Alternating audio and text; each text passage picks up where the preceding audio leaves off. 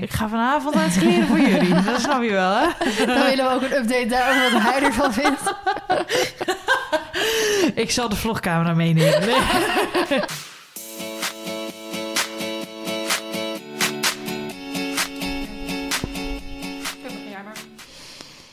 Staat u al aan? Hoi allemaal, leuk dat jullie luisteren naar deze nieuwe podcast. Hallo. Um, Feline zit ondertussen even rustig haar broodje op te eten. Ja, sorry, wordt een Want, beetje ehm, vanaf mijn kant. Dus Esme doet even het woord. Ja, ik moet even het woord doen. Nou, geen probleem natuurlijk, want er, ik heb er genoeg aan jullie te vertellen.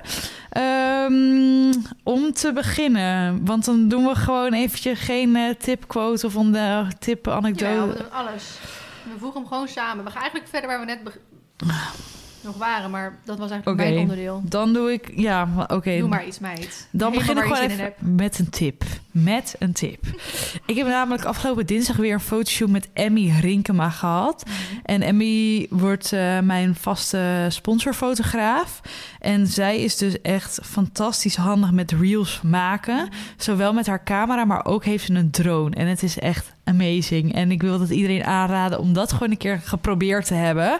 Je kan haar gewoon een berichtje sturen via Instagram. eh, Emmy Rinkema. Als je haar naam niet meer weet of als je niet weet hoe het schrijft, app me dan eventjes of eh, stuur me een DM bedoel ik. Maar ik vind dat gewoon fantastisch. Als je op zoek bent naar een fijne fotograaf, dan is dat in ieder geval een hele goede tip. En ook misschien leuk om te vertellen, eh, morgen voor mij, maar dus voor de luisteraars is de vlog dan al online. Morgen komt er een video online op mijn kanaal waarin we tips en tricks delen voor, tijdens en na een fotoshoot. En dus ook do's en don'ts. Dus waar moet je op letten en dat soort dingen. Ik denk dat het een hele leuke video geworden is, dus ik raad dat ook aan. Pas mooi in dit, in dit plaatje. Dus dat was mijn, eh, was mijn ding. Nou, mag jij nu met volle mond Ik praten? ben nog niet klaar met eten. Oké. Zullen we dan jouw, eh, jouw eh, tipje aan het einde doen? Dat ik even verder praat? Eh, er zijn namelijk nog wat dingen wat ik wil bespreken. Namelijk, ehm eh, jullie en ik zijn... eh, nou, op zoek is een groot woord, maar eh, staan open voor een tweede paard. Eh, we hebben hier gesprekken over gehad en tot de conclusie gekomen dat het eventueel zou kunnen. Waar? Bij ons op stal. We krijgen een stal vrij. Dus vandaar dat dat nu een mooi, mooi idee iets zou kunnen zijn. Maar het zou dus wel een paard zijn voor de, ja, het klinkt zo stom, handel, maar voor de verkoop. Ehm, dus niet voor, ik wil niet zelf twee paarden langere tijd aanhouden. Ja, kijk, en wat is langere tijd? Dat weet je met paarden die je aankoopt natuurlijk niet. Baloo weet ik gewoon, die gaat Behalve als er heel veel geld geboden wordt, maar anders niet weg. Eh, en ik wil er eigenlijk nog eentje bij hebben, gewoon. Dat mag van alles zijn. Dus ik had het er ook bij gezet van 0 tot bewijzen van. Nou ja, eigenlijk van 0 tot 6. Want jullie wil geen ouder paard kopen. Jullie wil het liefst een spring, eh springgefokt paard met goede bloedlijn. Maar als ik zo hier en daar de prijzen zie, vind ik dat wel heel intens. En weet ik ook oprecht niet of dat ik dat ga gokken, om het even zo te zeggen. En dan hoor ik je denken, ja, gokken, hoezo dan? Nou, als je een jaarling koopt, wat nu al voor 6000 aangeboden wordt, stel nou dat die afgekeurd wordt. Niet dat je een jaarling gaat keuren, maar stel dat het, weet je, ik vind dat wel heel spannend. Ja, dan moet je ook wel eh, flink veel winst maken. Ja, het kost gewoon heel veel geld allemaal. En dat, dat wordt meestal niet over marktplaats gedaan. Dat moet je dan weer op bepaalde connecties en weet ik het wat allemaal. Ja, dus ik, nou, ik, weet, ik weet nog niet of dat het eh, iets gaat worden, maar ik dacht misschien wel leuk om eh, aan jullie eh, Heb je al mee te berichten delen. gekregen of niet? Ja, ik heb wel eh, een en ander berichtjes gehad. Ehm, maar nog niet iets waarvan ik nu denk, oké, dit wordt het of zo. En heeft je schoonvader niet wat dingetjes? Want die, die eh vorige was ook via hem, toch? Ja, ja, Die Appaloosa. ja. Nou ja, we hebben natuurlijk volgende maand krijgen we twee veulens. Eén bonte sowieso Mhm. en een ehm spring, eh, spring eh, paard. Want we hebben er twee drachtig, zeg maar. Ehm, maar mijn schoonvader wist zo 1, 2, 3 ook niks. Ik heb eventueel ook nog wel andere connecties waar ik het ook wel aan kan vragen. Maar ik vind het ook wel leuk om zelf een beetje op zoek te gaan. Dus dat is, eh, dat is eventueel eh, wel iets leuks, denk Ja, ik. zeker. Dus dat is, eh, dat is leuk. Dat zijn leuke dingen Ja, voor het vooruitzicht. Dus ik ben heel leuk. benieuwd. Ja. Ook heel benieuwd met wat voor je aan gaat komen. Ja, Want- of we überhaupt, want het moet wel, het moet wel iets zijn. ja. Dus ja, ik weet niet. En Jury wil dus het liefste gewoon echt alleen springgefokt. Hmm. En ik denk, nou, als je een leuk kleurtje hebt, dan mag het er wel ja. weer eh, binnenkomen. Ja, want die bonte en die Appaloosa zijn toen allebei via jou gegaan, toch? Eh, ja, niet? ja, ja, ja. Ja, Ja, leuk. ja. Zou heel leuk zijn. Ehm, Ja. Ik zit even te kijken, want ik had nog een irritatiestruk anekdote. Ehm, en dat is, ik heb één best wel een beetje een struggle, maar ik hoop dat het geen struggle wordt, maar misschien weer wel. Wij zijn dus afgelopen donderdag naar de ehm, leverancier geweest om dus de nieuwe collectie door te nemen. De technische tekeningen en de stoffen. En over drie weken hebben ze dus al de samples. Dus dat is echt super snel, want voorheen moest ik er echt maanden op wachten. Maar eigenlijk een beetje tegen twee struggles loop ik aan. Ook al bij één wist ik dat dat er ging gebeuren. Dus daar moeten we gewoon ehm, wat concessies in gaan doen. De eerste is dat wij dus een superleuk nieuw logo hebben bedacht. Mhm. En zij vinden die dus best wel lijken op een ander logo van een ander paardensportmerk. Oh. Dus ehm, eigenlijk toen we ze nou naast elkaar gingen liggen, dacht ik, oh ja, ik snap wel wat je bedoelt. Maar Heb je foto's? Maar ik vind Kun het zelf wat laten zien? Dat ik erover mee kan praten? Ja, ja, precies. Ik zal even kijken. Ehm, maar goed, nu hadden we natuurlijk eventjes bedacht van... oké, wat is dan nu slim om te doen? Moeten wij dan aan dat merk gaan vragen of zij het goed vinden dat wij dit... En zegt ze, Mhm. nou, dan kan je sowieso een nee eh, verwachten. Mhm. Ehm, dus ze zegt, normaal gesproken laat je dat dus eh, juridisch uitzoeken. Ik laat nu Esme de... Oh, ja. Als je me nu naslegt... Ja, ik vind hem dus gewoon nog wel ehm, apart genoeg, zeg maar. Maar ik snap ook wel als je zo echt zo naast elkaar gaat leggen... dat het dan toch een beetje lijkt. Wat vind Ja, jij? Ik, ik, ehm, ik, vind, ik, zat, ik zit sowieso even wat meer naar je logo te kijken. Want ik had alleen natuurlijk het, eh, niet het logo zelf nog gezien. Hmm. Je had alleen het Ja. linkerdeel laten zien. We gaan hem wel iets, eh, iets anders maken. Want zo, als je hem nu zo naast elkaar zet... is het natuurlijk wel eh, heel erg eh, hetzelfde.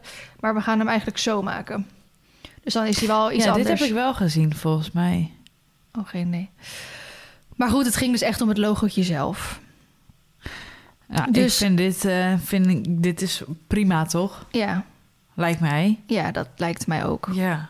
Maar ehm, gewoon even voor de zekerheid. En wat zij dan aanraden is om het juridisch dus even uit te zoeken. En zij hebben daar gewoon hun eigen mensen voor die daar gespecialiseerd in zijn wat betreft. Ze doen natuurlijk meer private labels. eh, gespecialiseerd zijn wat betreft logo's en dat soort dingen. Zodat je van tevoren daar gewoon geen gezeik mee kan Mhm. krijgen. Zou natuurlijk zonde zijn als je een hele collectie ontwerpt en dan kan je alles Ja. weg gaan gooien. En zij doen tegelijkertijd ook de naam eventjes vastleggen. Want ik weet, ja, dit is echt voor jouw tijd. Het is voor jouw YouTube-tijd. Want het is echt al wel in de begintijd van YouTube was er dus... ehm, hoe heet hij ook alweer? Er was een jongen die had een ochtendprogramma op YouTube. Mhm. Koffietijd of zo heette dat. Koffie, iets in de ochtend. Ik weet het niet meer. En die deed al twee jaar lang dat maken. En toen was er een of andere rijke gast. Die wilde toen... eh, dat, ja, die ging een, een radio of een tv of een weet ik veel wat voor show opzetten. En die vond dat wel een leuke naam. En die heeft toen die naam zeg maar geclaimd. Dat kan je dus zeg maar doen. Dan kan je die naam inschrijven en dan krijg je dus dat copyright zeg maar op die naam. En toen moest hij dus eh, al zijn YouTube-video's verwijderen. Omdat, ook al had hij al twee jaar lang die naam...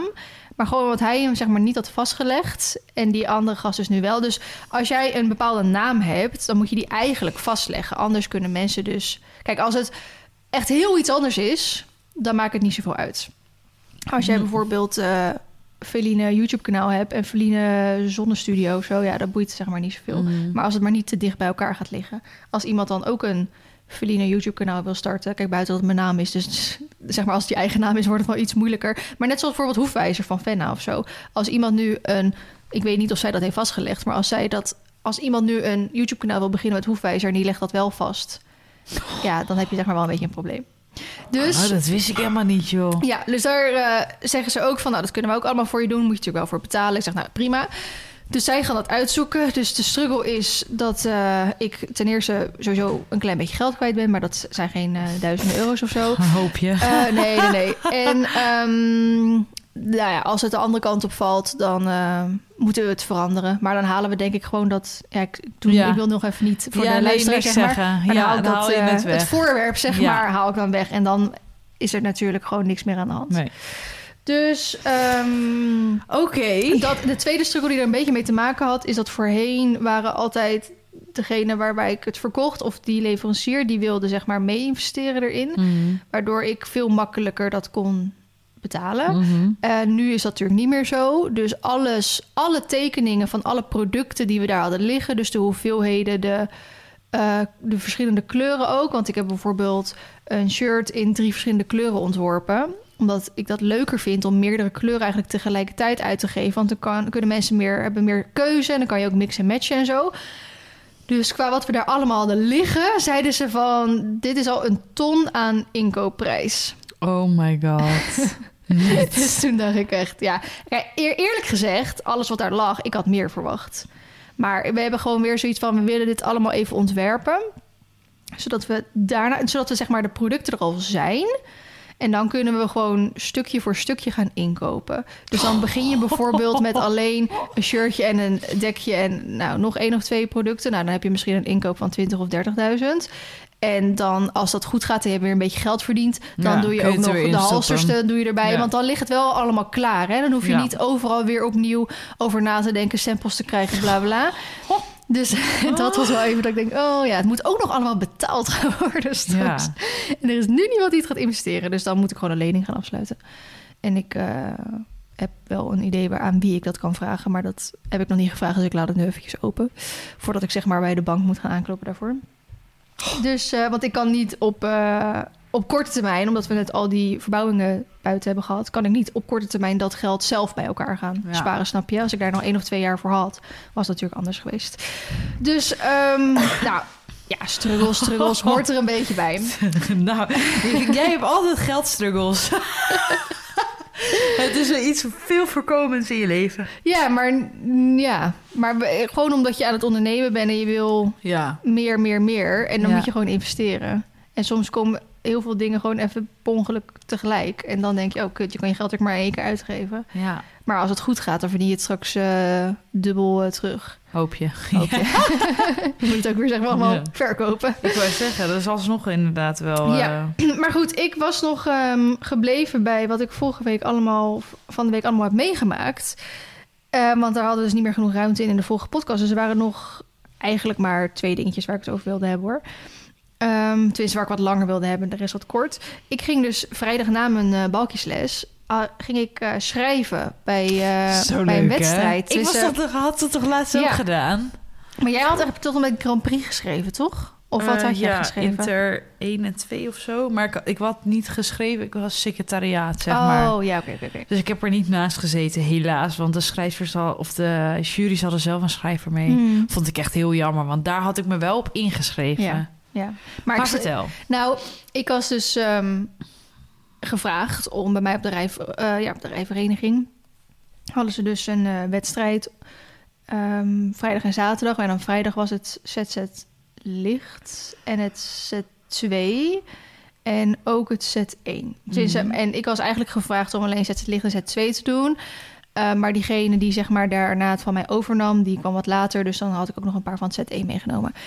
Dus ik was al best wel een beetje benieuwd. Want jij had ook al gezegd toen van ja, dat bij dat niveau, eh, moet, moet ik zeggen, in het BNL kom je dat ook gewoon natuurlijk tegen. Dus eigenlijk is het Ja. gewoon alle niveaus. Ja, Ehm, ja, zit je wel soms even zo te kijken dat je denkt, ik kijk even de andere kant op, toch? ja. Dus, ja, dat zeg je heel netjes, ja. dus ik had, ik maar het is wel- kut dat wij dit zeggen. Want wij mogen... Tenminste, soms voel ik me ook niet, zeg maar, de aangewezen persoon om daar wat over te zeggen. Omdat ik denk, ja, ik kan het zelf ook niet. Nee, precies. Dat is dat, Dat, is, absoluut. dat, is, dat vind Ja. ik dus ook een beetje lastig. Ja, helemaal met je eens. Maar aan de andere kant hebben we natuurlijk nu toch wat meer die beweging in de paardensport. Dat we ook aan de niet-paardenkenner moeten kunnen uitleggen Ja. ehm, hoe iets eruit ziet en hoe iets hoort. Ja. En dan denk ja, maar een leek kan nu ook zien dat dit gewoon niet kan. Ja. Nee, en dan denk ik, daar hoef je dus... En we moeten juist die leken ervan Ja. overtuigen dat het gewoon kan. Maar wat nou als wij zelf, die, wel, die niet leek zijn... het ook al niet vinden kunnen? Nou goed. Ehm, begonnen met ZZ Licht Mhm. en daarna Z2. Ik heb echt mijn ogen uitgekeken op een positieve manier. We hebben alleen maar leuke combinaties in de ring gehad. Het was echt superleuk. Je zat gewoon naar iedereen te kijken dat je dacht... Ja, wat fijn. Wat harmonieus, wat vriendelijk, wat dit en echt superleuk. En ik had dus met die, eh, het jurylid die, die daar zat... Die was dus... eh, hij eh, zit in het bestuur, volgens mij, van onze vereniging. Hij regelt daar in ieder geval heel veel. En zijn broers ook heel veel. En zijn kinderen, zeg maar, ook heel veel. En ehm, zijn zoon is bijvoorbeeld weer... Ja, ik, heb, ik woon hier net, hè. Ik heb Mhm. nog allemaal... Ik leg al die lijntjes nog niet. Maar gewoon al een paar uurtjes naast hem zitten... en ik snap in één keer hoe alles werkt. Omdat de, zijn, mijn springinstructeur van de rijvereniging... is dus gewoon zijn zoon, bijvoorbeeld. En, zij, Ah. en die eigenaresse van het maisland achter ons... die werkt natuurlijk ook bij de rijvereniging... En dat is zijn dochter weer, weet je wel? Dus zo in één keer dacht ik, oh, ik ga een connectie, zeg maar, leggen. En toen zei hij ook van, nou, ik heb eigenlijk nog nooit gehad dat gewoon iedereen vriendelijk reed, weet je wel? Dus hij zelf was er ook heel erg van aan het genieten, maar hij ging al richting de 80 of zo. Zo. Dus hij had echt al superveel meegemaakt. Hij zegt, ik eh, jureer al 60 jaar en ik heb zelf ook nou, een set, dressuurzet samengesteld. eh, dit eh, viertal, zestal, weet je, hij had al alles gezien en meegemaakt. Paren, NK's of zo gereden. Dus ik vond het super interessant om naast hem te zitten Ja. en ook zijn visie over alles te horen. Ehm, en dat was gewoon, hij zegt ook van, ik zit hier echt voor, voor ik moet hier voor mijn plezier zitten. Ja. Zeg, want eh, voor het geld natuurlijk hoef je niet te doen. Nee. Hij zegt, ik zit hier echt om een steentje bij te dragen bij de paardensport. Dus als ik iets goed zie, dan wil ik dat ook goed belonen. Dan krijgen ze gewoon achters en negens van mij. En zeg maar, als er bijvoorbeeld eentje kwam er de baan in... met een ponytje toen, een Z2. En die pony vond het doodeng in een bepaalde hoek. Terwijl daar eigenlijk niet per se echt iets was, maar die vond het heel eng. Dus hij zegt zo tegen haar, rij even een paar voltes daar zo. Want zij dacht, oh, ik moet al beginnen. En zei, ja, maar ik zit hier toch niet om nu tegen die meid te zeggen... ga beginnen. En dat ze er vervolgens haar proef niet doorkomt. Zegt, dan heeft zij geen plezier in, heb ik geen plezier in het jureren. Hoeveel is het gevraagd om haar even een paar extra voltes daar te laten rijden... zodat die pony daar even op zijn gemak van kan worden... En dan te gaan jureren. En toen dacht ik echt van, wat fijn. Ja. Wat een verademing Ja. om naar zo'n jury Waar te kunnen gaan we je zitten. boeken? Ja, nou, ik denk ook, volgens mij heb ik hem toen ook gehad. Als jury, eh, toen ik mijn eh, Z1-winstpunt daar Kun je ging toch zo terughalen? Ja, dat moet ik inderdaad ergens terug kunnen halen. Dus, Kun je dat niet op je KNS zien? Ja, Nee. vast maar goed. Dat doe ik straks wel even een keer kijken. Maar hij was gewoon zo... Hij zegt gewoon, ik wil echt het vriendelijke wil ik belonen. En als iemand aan het rukken en het plukken hier is... Daar wil ik gewoon niet naar kijken, zegt hij. Dus daar geef ik dan ook gewoon de punten naar. Ja, perfect. Dus ook eh, iemand in het set 1 later dus wel. De- In set 1 kwam er wel veel naar voren. Maar hij zegt ook, ja, maar set 1 is zo'n klasse... daar mag je voor altijd in blijven. Dus dat is niet verplicht als je zoveel winstpunten hebt... om dan over te gaan. En ik moet ook zeggen, ik eh, voelde me... nou, ik zal niet zeggen aangesproken... maar ik voelde me wel heel erg met die andere mensen... die dan zo met zo'n paard... die daar eigenlijk net niet helemaal geschikt voor is... Mhm. die dan toch proberen dat winstpuntje in het set te halen, weet je wel. Ik denk, ja, ik zie mezelf hier gewoon helemaal tussen rijden. Dus daar zaten er wel een paar tussen waarvan je dacht, ja, was leuker om net naar die anderen te kijken. En toen reed ook iemand met eh, stang en trends. En die, die stre- nee, moet goed zeggen, die stang, Mhm. die hing helemaal los. En hij zei ook van, ja, maar waarom heb je dan een stang en trends in? Ja. Dus toen zei ze, ja, maar als ik hem erbij pak, dan gaat hij staken en bla bla. Hij zegt, ja, maar nogmaals, waarom heb je dan Ja, rij Dat- dan gewoon op een trend. ja, rij hem dan gewoon alleen op een trend. Ja, maar als ik hem al, hij, is, hij, hij is eigenlijk wel fijner als ik het zo doe. Hij zegt, ja, maar je hebt, je hebt niks in je hand. Dus hoezo? Dus hij ging echt zo'n soort van, ja, die discussie zou ik het niet noemen. Maar even met die vrouw even zo overleggen van, ja, maar waarom doe je dat? Als het niet nodig misschien is. En anders pak hem er dan een keer wel bij... om te kijken of je daar dan toch wat mee kan verfijnen of wat dan ook. Dus hij was echt wel zo aan het... ehm, nou, echt aan het meedenken, aan het nadenken, weet je wel, met die combinaties. En eh, nou, het was gewoon echt super fijn om, en echt heel leuk. Niet dat Ja, ik met Nacho binnenkort daar kom en ook niet dat, tenminste in, in dat niveau. En ik ga met Mark ook niet meer starten. Dus ik, ik heb er in dat opzicht niks aan om dan van te leren. Dan had ik er meer van geleerd als ik nu gewoon bij de BNL ging Mhm. kijken. Ehm, maar het was gewoon heel leuk om bij zo'n jury te zitten die gewoon denkt: ik ga gewoon vandaag eens van de paardensport genieten. Ja. En gewoon mensen die vriendelijk rondrijden.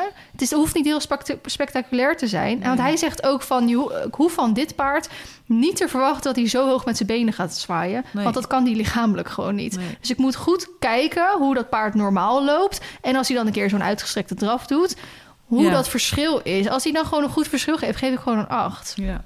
Maar eh, ik hoef niet te verwachten dat dat paard zo'nzelfde uitgestrekte draf gaat doen als zo'n dressuur, zo'n ja. totilas inderdaad, weet je wel. Dus ik vond het zo fijn hoe hij dat... eh, Heel goed, Hoe dat leuk, deed. Dus ik heb er helemaal Word je helemaal enthousiast van ja, dan, ik zei hè? ook zo, je mag me vaker vragen om mij Ja. te schrijven. Heel leuk. Eh, toen had ik natuurlijk zelf dan die maandag voor het eerst les van mijn nieuwe instructrice. Ja. Femke heet zij. We zouden eigenlijk hier thuis lessen, maar het was nou zoals twee weken lang gewoon hier alleen maar aan het regenen.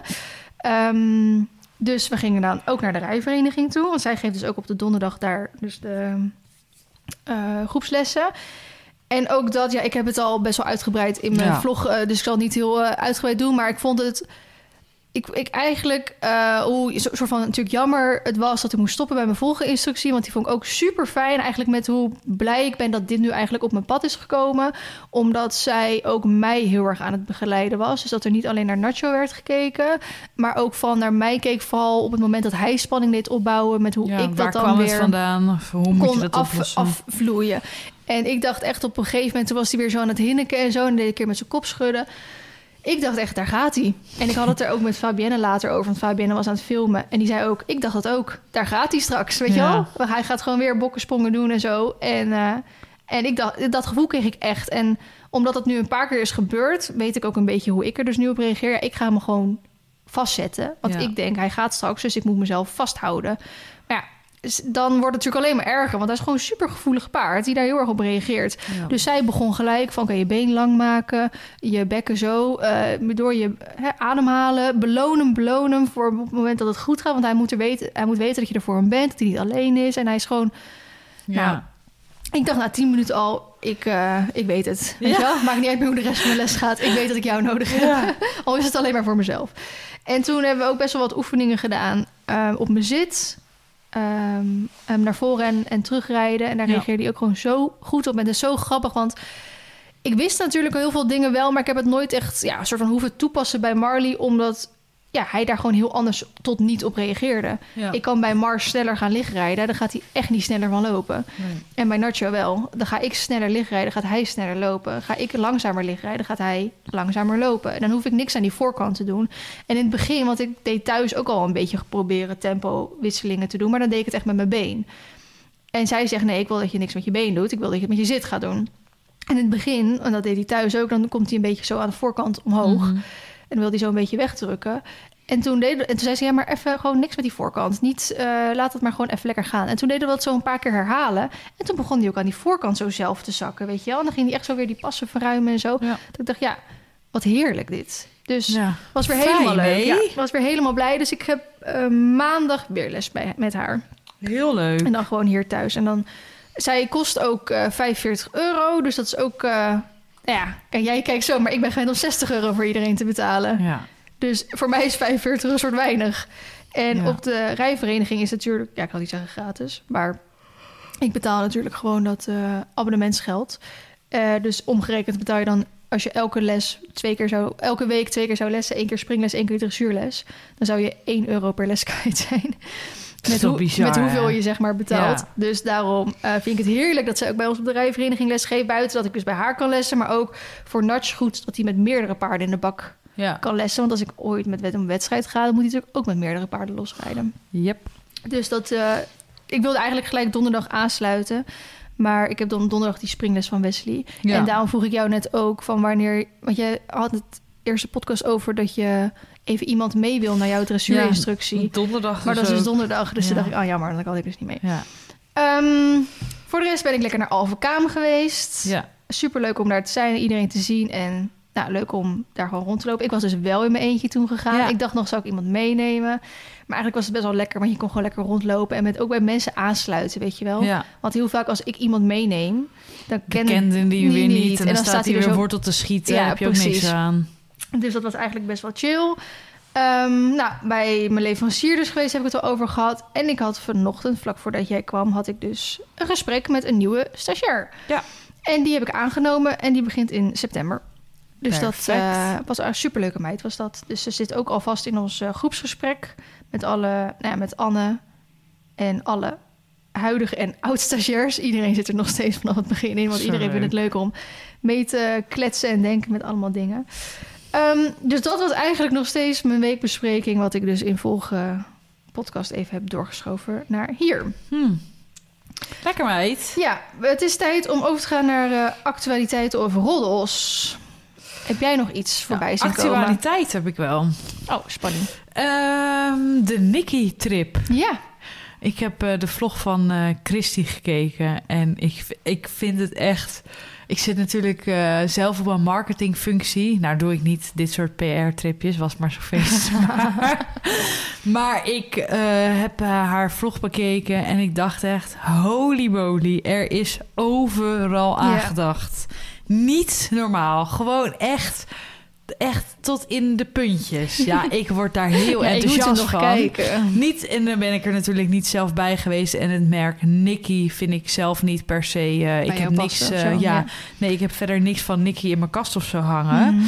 Maar ik werd wel zo enthousiast van hoe het allemaal geregeld is en waarover nagedacht is. En ja, dan denk ik wel van je hebt wel echt een verdomd goed bedrijf wat dat betreft. Ja, Oh, en het is natuurlijk helemaal er is ook wel verdomd veel geld tegenaan gegooid. dat denk ik. wel zeker. Er is echt uitgepakt. Maar daar is het ook het bedrijf toe. Ja, Dus het past er wel allemaal bij. ja. Dan denk ik, goh, dat heb je wel goed gedaan wat dat betreft. Dus dat vond ik heel leuk om te zien. Mhm. De, de vlog is dus van eh Christy Snapvangers online gekomen. En ik had hier en daar wel iets op eh, eh, Instagram en zo voorbij zien komen. Maar dat was wel een actualiteit waarvan ik dacht, nou, dat eh, Ja. hebben ze goed gedaan. Ja.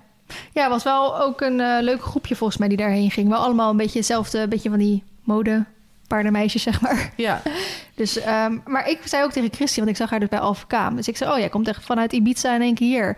En toen zei ze, ja, ehm, ik ging eh, op die dag erheen en op die dag terug. En toen zei ik, huh? Dat is echt maar twee, twee Ja. dagen. Ik denk, het leek echt alsof jullie daar een week waren of zo. Maar het was echt maar tweeënhalve ja dag dat ze, daar, eh, dag, ja. dat ze daar waren geweest. Ja, Maar dat vind ik wel leuk met die PR-tripjes. Met, ik volg best wel wat Amerikaanse YouTubers. En daar is het veel een soort van normaler. Dat je als je Ja, samenwerking aangaat niet, om zo'n PR-tripje te gaan doen.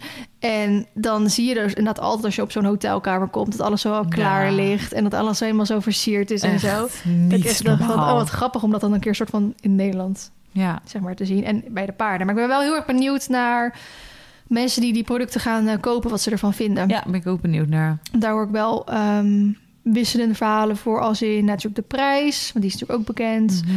Eh, maar ja, de ene vindt er heel goedkoop uitzien. En, maar ja, aan de andere kant denk ik, Nicky is best wel een bekend merk. Dus die zal niet zo gauw goedkope kleding verkopen, denk Nee. ik. Dus ik ben wel benieuwd voor als mensen op een gegeven moment de kleding dragen. Ja, Of ze dan... ehm, Of Ja. je het ook lang terug blijft zien. ja, Als in is het een merk dat zeg maar nu gewoon eventjes eh, groot is en Ja. dan straks weer helemaal eh, afslankt? Of is het gewoon een, een, een merk wat Ja. blijvend is? Nou, en nog heel even terugkomend op... Vorige keer zeiden we ook van... waarom start zij in hemelsnaam een paardenmerk? Maar ik kreeg wat berichten van dat haar dochter dus paard Ja, rijdt. die rijdt paard. Ja, dat Dus hoorde ik ook. dat we het weten. En ook nog heel even een kleine aanvulling. Ehm, ik kreeg bijvoorbeeld in mijn Q&A ook de vraag van... wat gaat nou, mijn merk straks onderscheiden tussen alle andere merken die nu zijn? En dat is natuurlijk ook... Je ziet echt elk merk uit de grond schieten. Hmm. Of dat nou van iemand is die niet bekend is... en heel veel mensen, net zoals een Nicky of een Tommy Hilfiger... of wat dan Mhm. ook, die ook in één keer allemaal paardenmerken starten... Ik denk, ja, maar ik zie wel één ding wat ze allemaal gemeen hebben. Het is allemaal fashion. Het is allemaal inderdaad van, je moet het mooi vinden... of je moet bij het merk, zeg maar, willen passen. Mhm. Ehm, maar het is niet, zoals ik het altijd zeg, heel bruikbaar. Kijk, ik wil Ja. inderdaad een rijbroek waar gewoon een zak in zit. Of een kontzak. Of een goede, waar je telefoon op zijn minst in past. Nou, dat zie je bij heel veel van dat soort merken gewoon niet terugkomen. Het is allemaal fashion, hè, Mhm. mooie kleding. Maar die dan misschien niet per se... Nou, ik moet gewoon een, een rijbroek hebben. Dat als ik heb er miljoen in de kast hangen. Dat je gewoon elke keer die als eerste pakt. Omdat die het fijnste zit, het leukste staat en eh, het handigste is of zo, weet Ja. je wel. Dat je daar niet eh, last van je buik mee krijgt. Omdat het precies op de verkeerde plek zit. Of dat Ja. je je telefoon daar nergens kwijt kan. Of dat je dat die ni- niet matcht met andere merken Spul, of outfits ja. of zo. Dus dat. Ehm, ik had op mijn story natuurlijk, want we hebben daar al een paar podcasts over gehad, dat we wat vaker de luisteraar willen betrekken. Met Ja. wat interactie, met over wat onderwerpen. Nu hebben we natuurlijk de vorige podcast een keer gehad over dat er bij Equitality bijvoorbeeld ook de wolf wa- was gezien. Mhm. En je ziet het natuurlijk steeds vaker voorbij komen. Dus we willen graag in deze podcast, dus zeg maar de tweede die we altijd opnemen, dat onderwerp voorbij laten komen. Ehm, waar we dan wat dieper op in willen gaan. We hebben het al eens gehad, dat jij het zelf had gedaan bij de tandarts van Ja. paarden. Van nou ben jij voorstander van met verdoving, zonder verdoving of handmatig of elektrisch. Vervolgens hebben we het ook een stukje gedaan over de hoefsmid versus de natuurlijk bekapper. Ja. We hebben het ook al eens gedaan over Paddock Paradise versus stal. Ehm, en de volledige nuance wat daar weer allemaal tussen en omheen zit. En we dachten misschien is het leuk om gewoon standaard terug te laten komen. Dus eh, Polly, mijn volgende stagiair, die had daar al een opzetje van gedaan... voor allerlei leuke onderwerpen die erbij passen. Natuurlijk het liefst ook een beetje actueel. En nou ja, wat natuurlijk gewoon best wel actueel is, is de wolf. Mhm. Dus we wilden daar kort op ingaan. En met, ik wil dat graag even benoemen.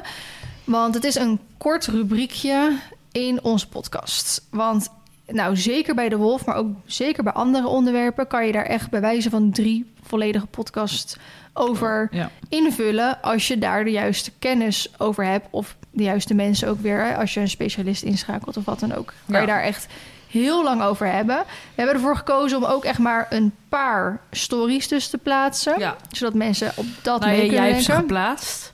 Ehm, maar we hadden nog miljoen meer stories kunnen plaatsen. Ja. Het was echt, je kan, had hier echt een, eh, een driedubbele enquête over kunnen maken. Omdat er nog gewoon heel veel andere antwoorden mogelijk zijn. Nu moet ik zeggen, ik ben eh, bevooroordeeld. Als in, ik heb al mijn mening gevormd eigenlijk. Mhm. eh, over wat ik van de wolf vind. Mhm. En dat is dat ik denk dat, die, eh, dat ik hem hier liever niet heb gewoon Mhm.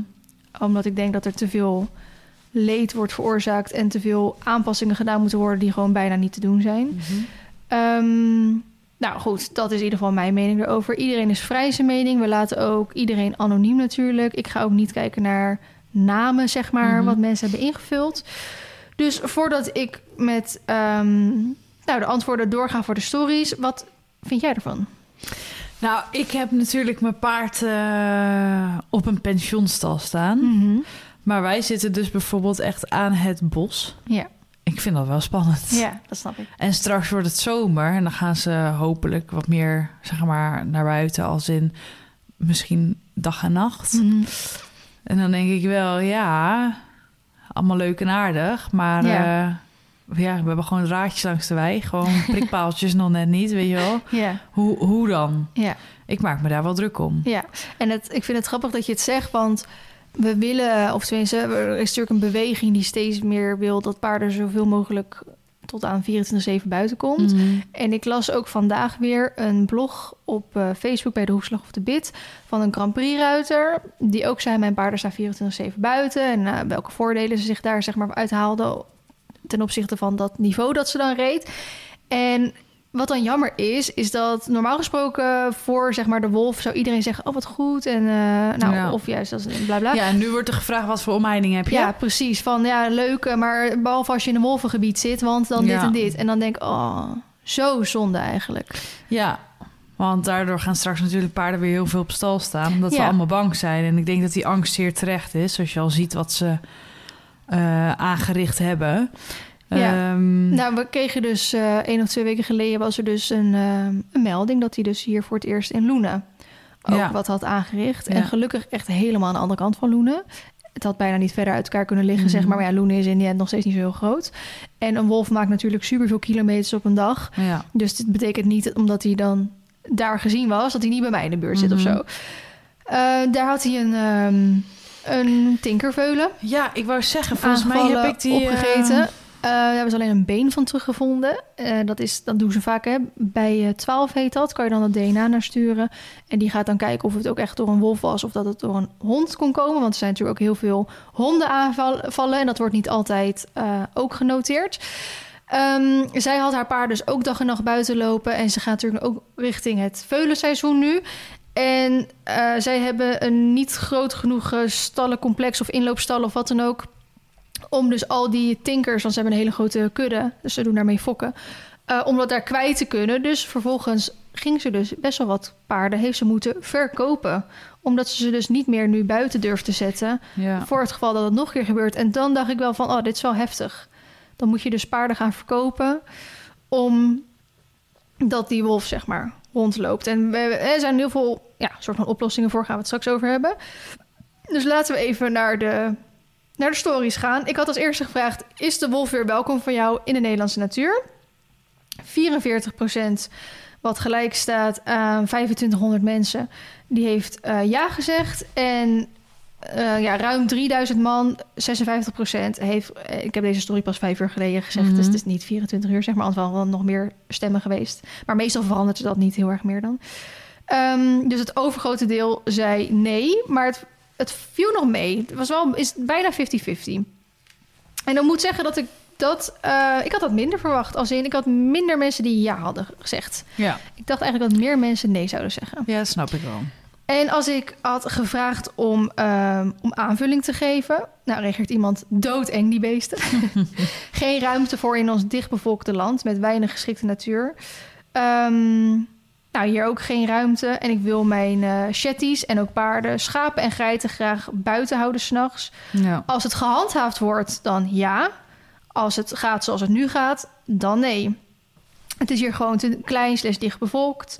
De wolf is een gevaar voor gedomesticeerde dieren... want natuur de zaakjes is gewoon niets meer zoals het vroeger was. Hè, in Nederland bestaat er, we zijn natuurlijk best wel dicht bevolkt... bestaat er niet echt meer zulke wijdse natuur... zoals in, eh, nou, in eh, Noord-Europa bijvoorbeeld.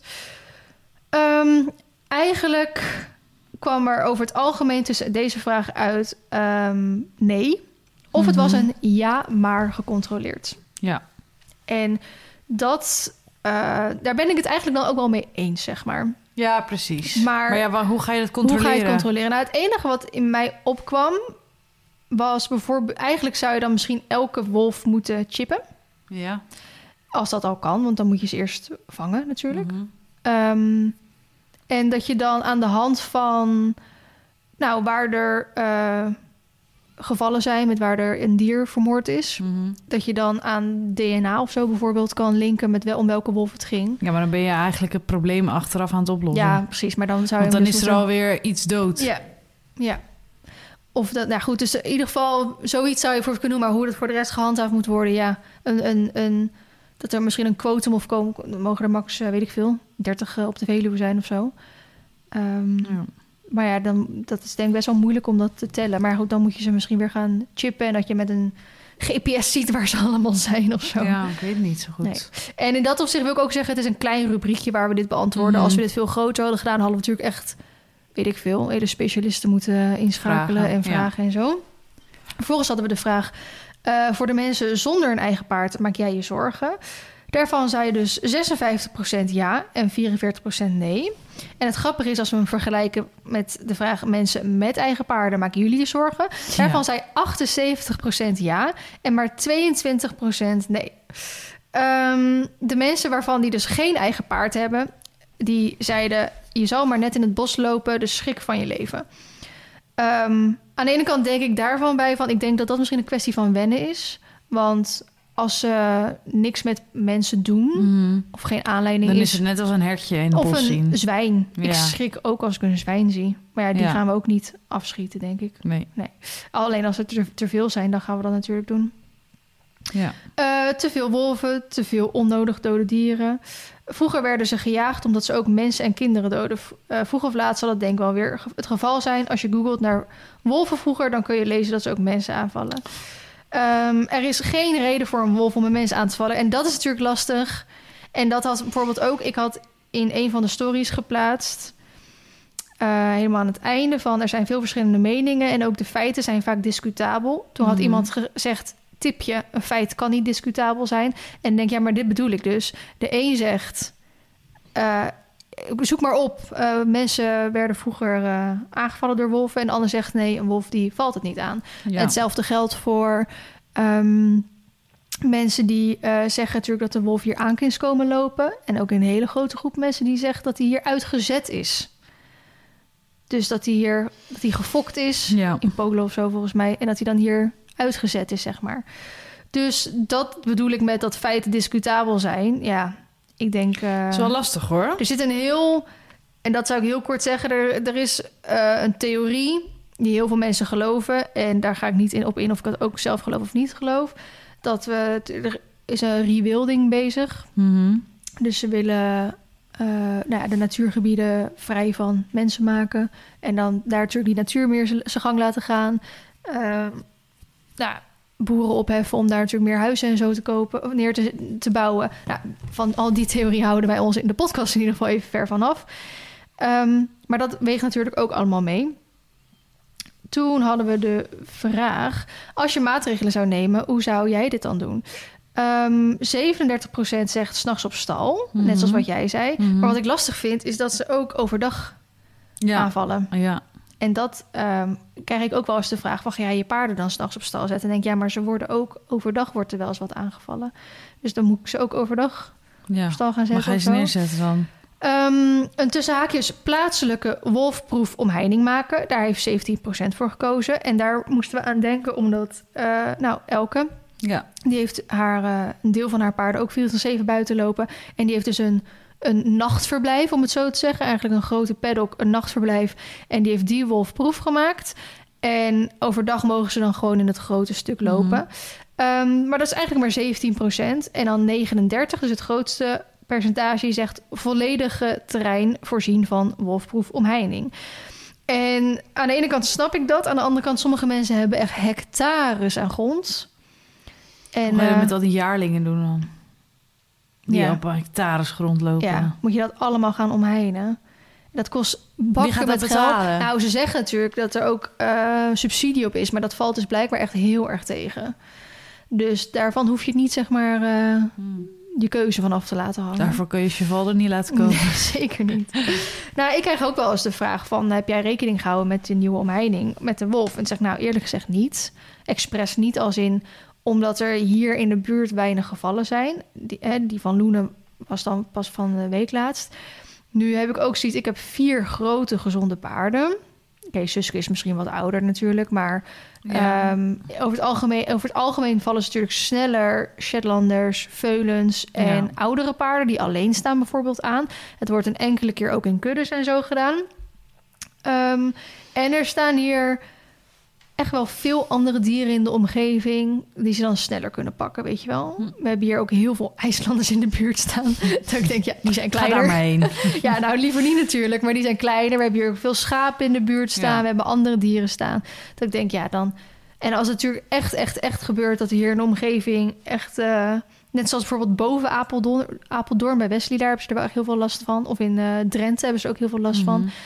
Mhm. Als dat natuurlijk ook hier gebeurt, dan ga ik wel extra nadenken. En dan denk ik dat ik ehm, veel meer draad ga plaatsen. Of misschien van dat gaas. En dan ook een stuk ingraven. Maar wat ik gewoon echt wel lastig vind, is dat je gewoon het ook tegenhoudt voor andere dieren dan. Dus voor gewoon de konijntjes, voor de eh, das, voor de nou, andere dieren, wel of niet beschermd, die er rondlopen. Daar kunnen ze ook niet meer, zeg maar, daar komen. En nu heb ik maar een heel klein stukje grond. Maar wat ik zeg, bij die hectares, ja, dan Ja. wordt het een beetje opgesloten allemaal. En 7% stemde op niks veranderen. De aanvulling daarop was... eh, ik wil mijn paarden niks afnemen, dus moeten de maatregelen komen naar de wolf. Een volledige wolfproef omheining is onbetaalbaar en ik vind het ergens te gek voor woorden. Helaas geeft de gemeente verder nergens toestemming voor. Dat is natuurlijk ook een probleem. Want de een zegt dat een wolfproef omheining 1,20 meter is. Dat ik denk, nou sorry, daar springt hij echt zo overheen. ja. En dan moet je echt Dat een hekwerk ook, van, hoor. van twee meter gaan plaatsen. Denk ja, dat mag en dus onder niet. de grond inderdaad. Ja. Ja, nou dat mag dus. eh, zie je het bij mij al hier zo? Dan heb ik al helemaal. eh, dan duurt het weer drie jaar voordat dak. staat. Ehm, wij hebben het volledige terrein wolfproef en s'nachts op de paddock in plaats van alle tracks. Dat Hm. is die van eh D. Dierendal, weet je wel? Oh, ja.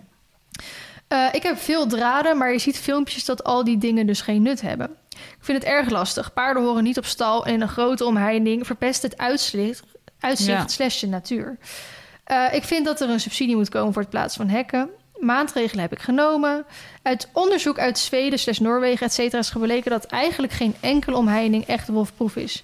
Filmpjes waar ze over drie meter, inclusief stroomdraad slash prikkeldraad, et cetera, heen klimmen. ja, ik denk als ze een beetje honger heeft, dan gaat hij wel hoor. Ja, s'nachts op stal, aangezien de overige opties erg duur zijn om volledig te realiseren. Hm. Eh wolfproef omheining blijkt eigenlijk niet wolfproef. Ik hoorde iets over wolfwerende honden. Dat wordt er ook gezegd, hè? Van die grote honden. Of ezels, lama's, weet ik wel, wordt allemaal genoemd. Dat, maar daarvan vind ik een beetje van ja, dan. Dat is ook weer extra. Ik heb om een reden geen hond thuis Mhm. omdat het gewoon niet handig is bij ons. Ik denk, ja, als jij een hond gaat nemen, dat geeft ook weer heel veel verantwoordelijkheid. En Mhm. heel veel kosten Ja, natuurlijk. wie gaat dat dan weer Ja, betalen? precies. En ehm, als laatste vraagstelling: wanneer een wolf regelmatig voor onrust of doodvee zorgt, mag deze worden gedood? 66% zegt eens en 34% zegt oneens. De onderbouwing was ehm, waarom wel 200 schapen en niet één wolf? Zo denk ik dan. Maar het is wel lastig hoor. Prachtige dieren, maar de Nederlandse veehouder mag hier niet de dupe van zijn. Eén dood dier of vele dode dieren. Keuze snel gemaakt, zou ik nou zeggen. Alleen Hm. zo kom je van het probleem af. Eigenlijk beide. Ene kant vind ik het hele gaaf dieren. Andere kant zorgt voor problemen. In ieder geval moet het aantal wolven beperkt blijven.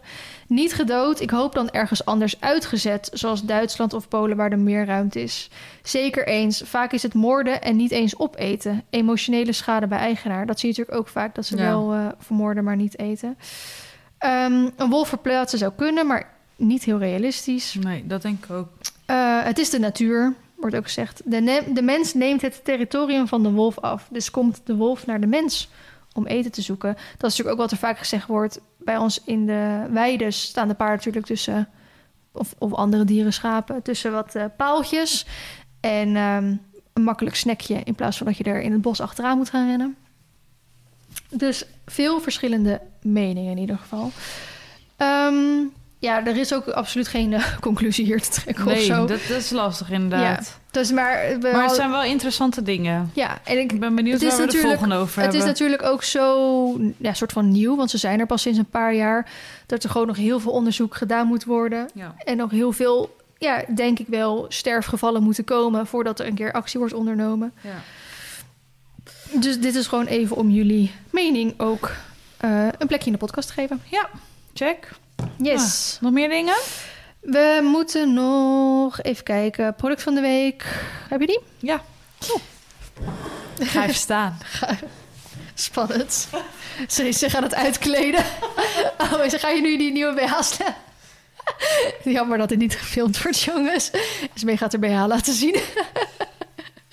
Is dat, is dat die nieuwe? Ja, is dat wat je al bij had gestuurd? Ja, maar er zit dus ook geen voor, voor, voor, voor, voorverwarming. Vooruitverwarming. Voorgevelverwarming. Voor, eh, geen, eh, even in de microfoon praten. er zit geen voor, eh, geen dinges in. Geen Oh, cups. geen, eh, Helemaal ja. niks. Nee, precies. En bevalt dat of juist niet? Nou, ik heb hem dus echt net binnen. Oké. Maar ik dacht, ik trek hem meteen na. Ja, ik kan hem meteen bespreken. Want ik vind hem dus wel chic. Ja, Ik vind hem, het is wel het is wel met wat kant, kant en, zo. en, zo. Maar wel hele brede BH-bandjes. Ja, maar daar hou ik wel van. Oh, oké. Dat vind ik echt heerlijk. Oké. Maar ik heb ook misschien wat zwaardere borstel dan jij. Ja. Dus in die zin is het wel fijn als het, dan, eh, als het dan een beetje vastgehouden wordt. maar ik vond hem wel, eh, ja, ik vond hem wel chic. Alleen, ja. ja, je kan wel nog steeds zien, denk ik, als ik het koud heb. En dat, dat Ja. vind ik wel lastig. Het, het ontneemt wel iets. Maar alles weet ik inderdaad niet. Nee, maar het voelt wel alsof het... Ja, je ziet het zo nog wel een beetje. Ja, maar het, het, het, voelt, het zit wel echt helemaal vrij. Dat wel. Ja. Nou, goed dat je het nog even aankaart. Want we hebben echt zo bizar veel reacties gekregen naar die vorige podcast. Ja, daarom wilde ik dit ook laten zien. Ik dacht, Ja. dit is echt een mooie Goeie, ik was het alweer soort van vergeten. Maar we hebben echt... En inderdaad, bijna allemaal... Of, nou ja, ja, volgens mij echt bijna allemaal... gingen inderdaad over van... ehm, dat steeds meer mensen aan het overstappen waren. We hoorden het ook veel. We hadden wat eh, meiden die bij de Hunkemuller werkten... of bij andere lingeriezaken werkten... die ook Ja. zeiden... ja, we merken het ook in de winkel. Steeds meer mensen willen zonder beugel. Ja. Ja, ik vind het heerlijk zitten. Ja. Ik mis alleen aan de zijkant heb je normaal ook zo'n ijzerdingetje, toch? Ja, Dat zit ik. hier ook niet in. Oké. Maar ik, wat ik zeg, ik vind hem verder heel erg fijn zitten. Mhm. En ik had drie verschillende soorten besteld. Deze, maar dan nog een maat groter. Maar Waar hebben deze ze besteld? Bon Prix. Ja. Ehm, en nog eentje. eh, met ook wat kant, omdat ik, ik wilde iets meer sexier, zeg maar. Dat ik dacht, ja, niet zo'n oude wijven BH. wat natuurlijk prima is, maar ik vind het ook Heb wel eens fijn om... eh, Jullie laten zien of Nee, niet? schat, ik heb echt net binnen. Oké. Ik ga vanavond uit kleren voor jullie. Dat snap je wel, hè? Dan willen we ook een update daarover wat hij ervan vindt. Ik zal de vlogcamera meenemen. Nee. nu te zien op OnlyFans. Nee, jongens, grapje. maar ik was dus wel even benieuwd inderdaad. Dus ik had ook nog een andere besteld. Maar die zat, daar heb ik wel een foto van. Die zat op zich ook mooi. Alleen ehm, die, die trok ietsjes of zo. Kijk, dat kun je hier heel goed zien. Oh ja. Zie je? Dus dan zo'n vouw krijg je er dan in. Ja, terwijl deze, dat is degene die ik nu aan heb, Ja. zit echt als gegoten. Ja, die zat heel netjes. Dus ehm, dat wilde ik nog even laten zien. Ja, deze komt bij Ja. Bon Prix vandaan. Als je het linkje wil hebben, kan ik je die uiteraard doorsturen. Want ik heb de linkjes van mijn, ja, van mijn sport BH, weet ik dan wel. Maar van de beugelloze BH van de H&M, die kan ik dus, die bestaan niet meer, denk ik. Ik denk dat ze die eruit gehaald hebben. Ja. Eh, we hebben verder in ieder geval heel veel linkjes gekregen van, me- van BH's die andere mensen graag droegen. Die Ja. van de H&M, of eh, van de HEMA, sorry. Ja, Kwam heel Hema, veel voorbij. Ja. Eh, van de Primark Ja. kwam ook veel voorbij. Die ga ik denk ik ook nog wel halen. Ja, dat is ook gewoon qua prijs is dat gewoon kun je prima gewoon om dan proberen. te proberen Al heb je maar een keertje aan, zeg ja, maar. die van uh, Maar die was ook saai trouwens, van de Primark. Ja, die zijn wel saai allemaal inderdaad. Dit is wel wat mooier, ja, vind precies. ik dan. Ja. Eh, van Hunkemuller en ook andere. Ja, ik kom echt nooit bij andere lingeriezaken dan Hunkemuller. Dus hoe heet die andere? Livera? Livera, ja. En nog eentje heb je. Ja, goed. Andere zaken hebben ook. Ehm, en die raden eigenlijk ook heel veel mensen nog steeds aan. Ja. En je hebt ook veel van die bralet-achtige Ja, dingen. dat, maar dat moet je wel de bouw voor hebben. Want zo'n bralet is meestal ook langer. Ja, er zit er nog een stukje onder ja, inderdaad. daar heb ik de bouw niet voor, hoor. Oké. Dan kun jij met een strak buikje. Maar daar, met mij, dat is, dat is niet heel netjes. Nou, dat staat niet. Nee, dus, de, dus die zijn ook voor mensen... als je dan toch wel iets met een, een, een kantje of een dingetje wil... dan eh, kan je die proberen. En dat iemand die zei ook van... eh, omdat ik dus zei dat ik nooit sport BH's draag... omdat ik zo'n klemmend gevoel ervan krijg. Mhm. Zij zei, een sport BH moet je eigenlijk altijd een maat groter nemen...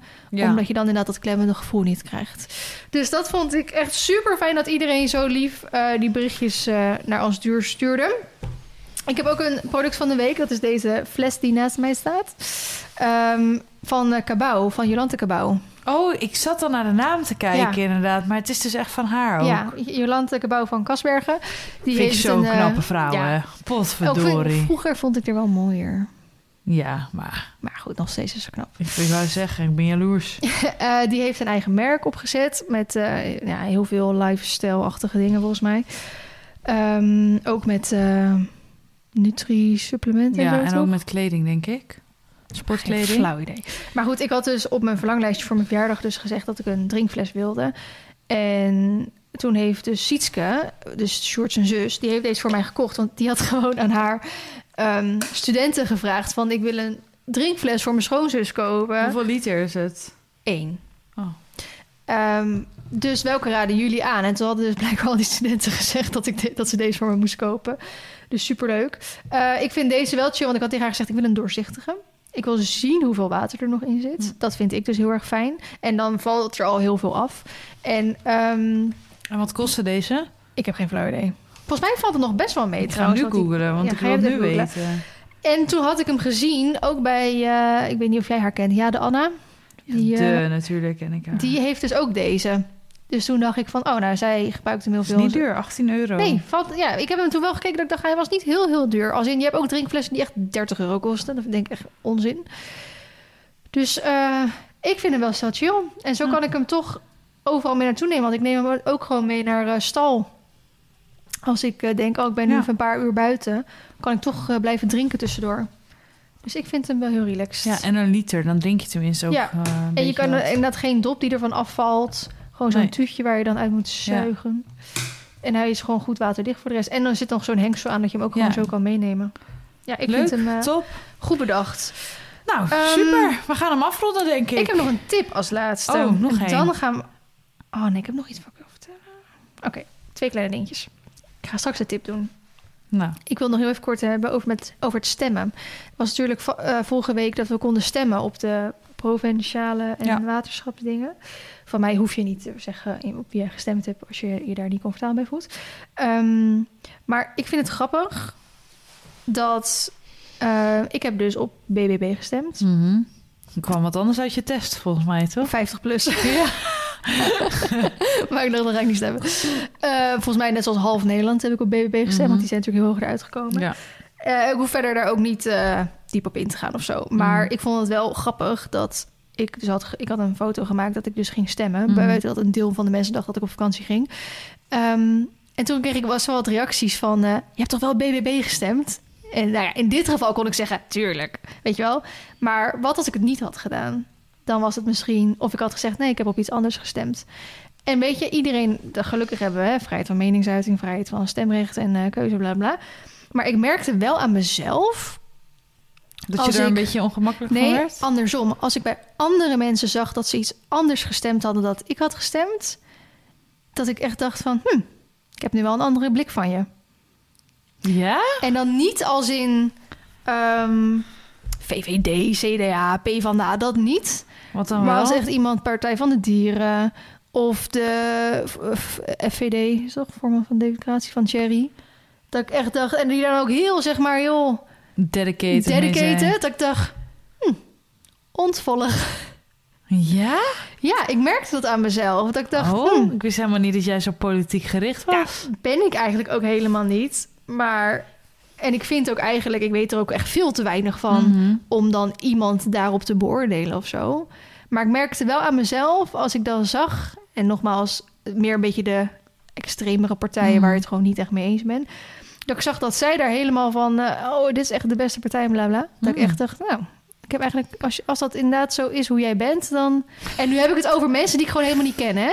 Als Mhm. in, ik volg best wel na zo'n Bachelor of Temptation Island... Ja, ja. of een keer dit, dan ga ik die mensen volgen... want ik vind het grappig om een beetje te Ja, kijken jij bent altijd up-to-date over dat soort dingen. Jij volgt ook altijd iedereen. Dat weet ik wel. Ja, nou, meer zeg maar die mensen. Dus helemaal niet in mijn persoonlijke kring, laat ik dat even voorop stellen. Iedereen moet gewoon lekker stemmen wat ze willen. Maar dan heb ik een soort, dan ben ik een beetje blijven hangen bij die mensen. En dan zie ik dat voorbij komen en denk ik, oké, nu is het juiste moment om het te ontvolgen. Oh, ik vind het heel grappig dat je dit vertelt. Dus, ik heb ook ehm, helemaal niks van, van stemmen gezien op Nee? mijn Insta. Nee. Nou, ik dus ook niet heel veel, maar die paar kwamen dan best wel een soort van zo naar voren. Dat ik dacht, nou, hier dus. Daar is de deur. Ja, precies. Hoeft niet meer. Mooi, ja. Nee, dus dat merkte ik aan mezelf. Oké. Eh, verder, mijn laatste tip dus. Ik heb op eh, YouTube een soort van serie ontdekt van NPO Zep. Dus het is iets meer op kinderen gericht. Mhm. Dat heet Steken en Prikken. Wordt gepresenteerd door eh, Emma Wortelboer. Is dat met Jurre? En Jurre, ja. ja. Ja, ja. Jij begint half Ja. zwijmelend hier te praten. Nee, ik vind hem heel grappig. Oh ja, ik vind hem heel grappig. En eh, dat seizoen, volgens mij is het nu al het tweede of... Nee, volgens mij is zelfs al het derde seizoen bezig. Laat Dus- ze zich steken en zo door beesten, Ja, toch? en dan eh, daar allemaal onderbouwingen en zo en bij. dan zit er zo'n dokter bij en Ja. zo'n bioloog. En het is inderdaad wel wat meer op kinderen gericht. Maar ik vind het nog steeds best wel... Ja, ik vind dat wel Grappig om interessant naar te hoor. kijken. Ja. En ik vond het inderdaad oprecht dus gewoon interessant. Zeker nu de lente eraan komt, dan zie je gewoon ook wat meer beestjes straks. ja. En dan denk ik, oh, het is best wel goed eigenlijk om die beestjes... die kunnen steken, prikken, bijten, wat dan ook. Of ze hebben ook een keer de berenklauw gedaan bijvoorbeeld. Dat Ja. dan een bloem of een plant. Ehm, om dan te kijken met hoe erg dat eigenlijk is. En hoe pijn het doet, wat je ermee moet doen. Ik denk, Het is best wel informatief eigenlijk. Ja. Niet alleen voor kinderen, maar ook als je zelf veel buiten Maar bent. Zep heeft sowieso altijd best wel veel informatieve dingen, vind ik. Ja, en ik vind dat ze het echt leuk doen. Ja. Het is alleen wel als je zeg maar aan het bingen bent. Dus ik had echt, want ik vind het dan leuk om ook echt alles te kijken. Mhm. Heb je dus twintig van die afleveringen achter elkaar. Ze duren ook allemaal maar rond de 13 minuten. Dus je bent er ook zo doorheen. Maar ze hebben natuurlijk een- zo'n format waar ze zich aan, aan houden Ja. binnen zo'n aflevering. En als je dat zeg maar twintig keer achter elkaar Ja, kijkt. dan weet je, kun je het format dromen. Ja, precies. Ja. Ja, Hey, leuk. Dus, Goeie eh, tip van jou. steken en prikken heet op NPO Zep. Top. Nou, Dus ik vond het leuk. we gaan hem weer Ehm, afronden. Over ja. twee weken hebben we nieuwe podcastopnames gepland staan. Ja. Jij hebt nog een vraagsticker op je Instagram eh, staan. eh daar hebben mensen die nu meer luisteren niks meer aan. in te sturen. Ik had het idee dat jij bijvoorbeeld dan de volgende moet plaatsen. Ja, dat, dat, Dat jij dat ook weer- een idee, ja. Ik een beetje En kan dan kan ik leiden. dat, ja, kan ik daar... Alhoewel, ik moet wel zeggen, ik vind het... Het moet wel een onderwerp zijn waar we eigenlijk iets mee hebben. ja, iets mee hebben. Want nu was het een beetje ik heb van... niks met de wolf. Als Nee. in, ik ben daar... daar Je hebt er geen ervaring mee. Nee. En net zoals toen jij had met die tandarts. Ja, dan kun je een beetje dedicated praten en Ja, zo. precies. Ik heb echt heel vaak dedicated gezegd deze aflevering. maar goed. Eh, dus laat Dat even we weten, ook in, de, in onze DM, DM, of slijten dit met DM. leuk vond. Of dat je inderdaad zegt, nou, leuker als jullie inderdaad over onderwerpen praten... waar je zelf ook iets meer affiniteit mee Ja. hebt. Gewoon laten weten. Deel je mening met Ja. ons. Bedankt voor het luisteren en graag tot volgende week. Doei doei!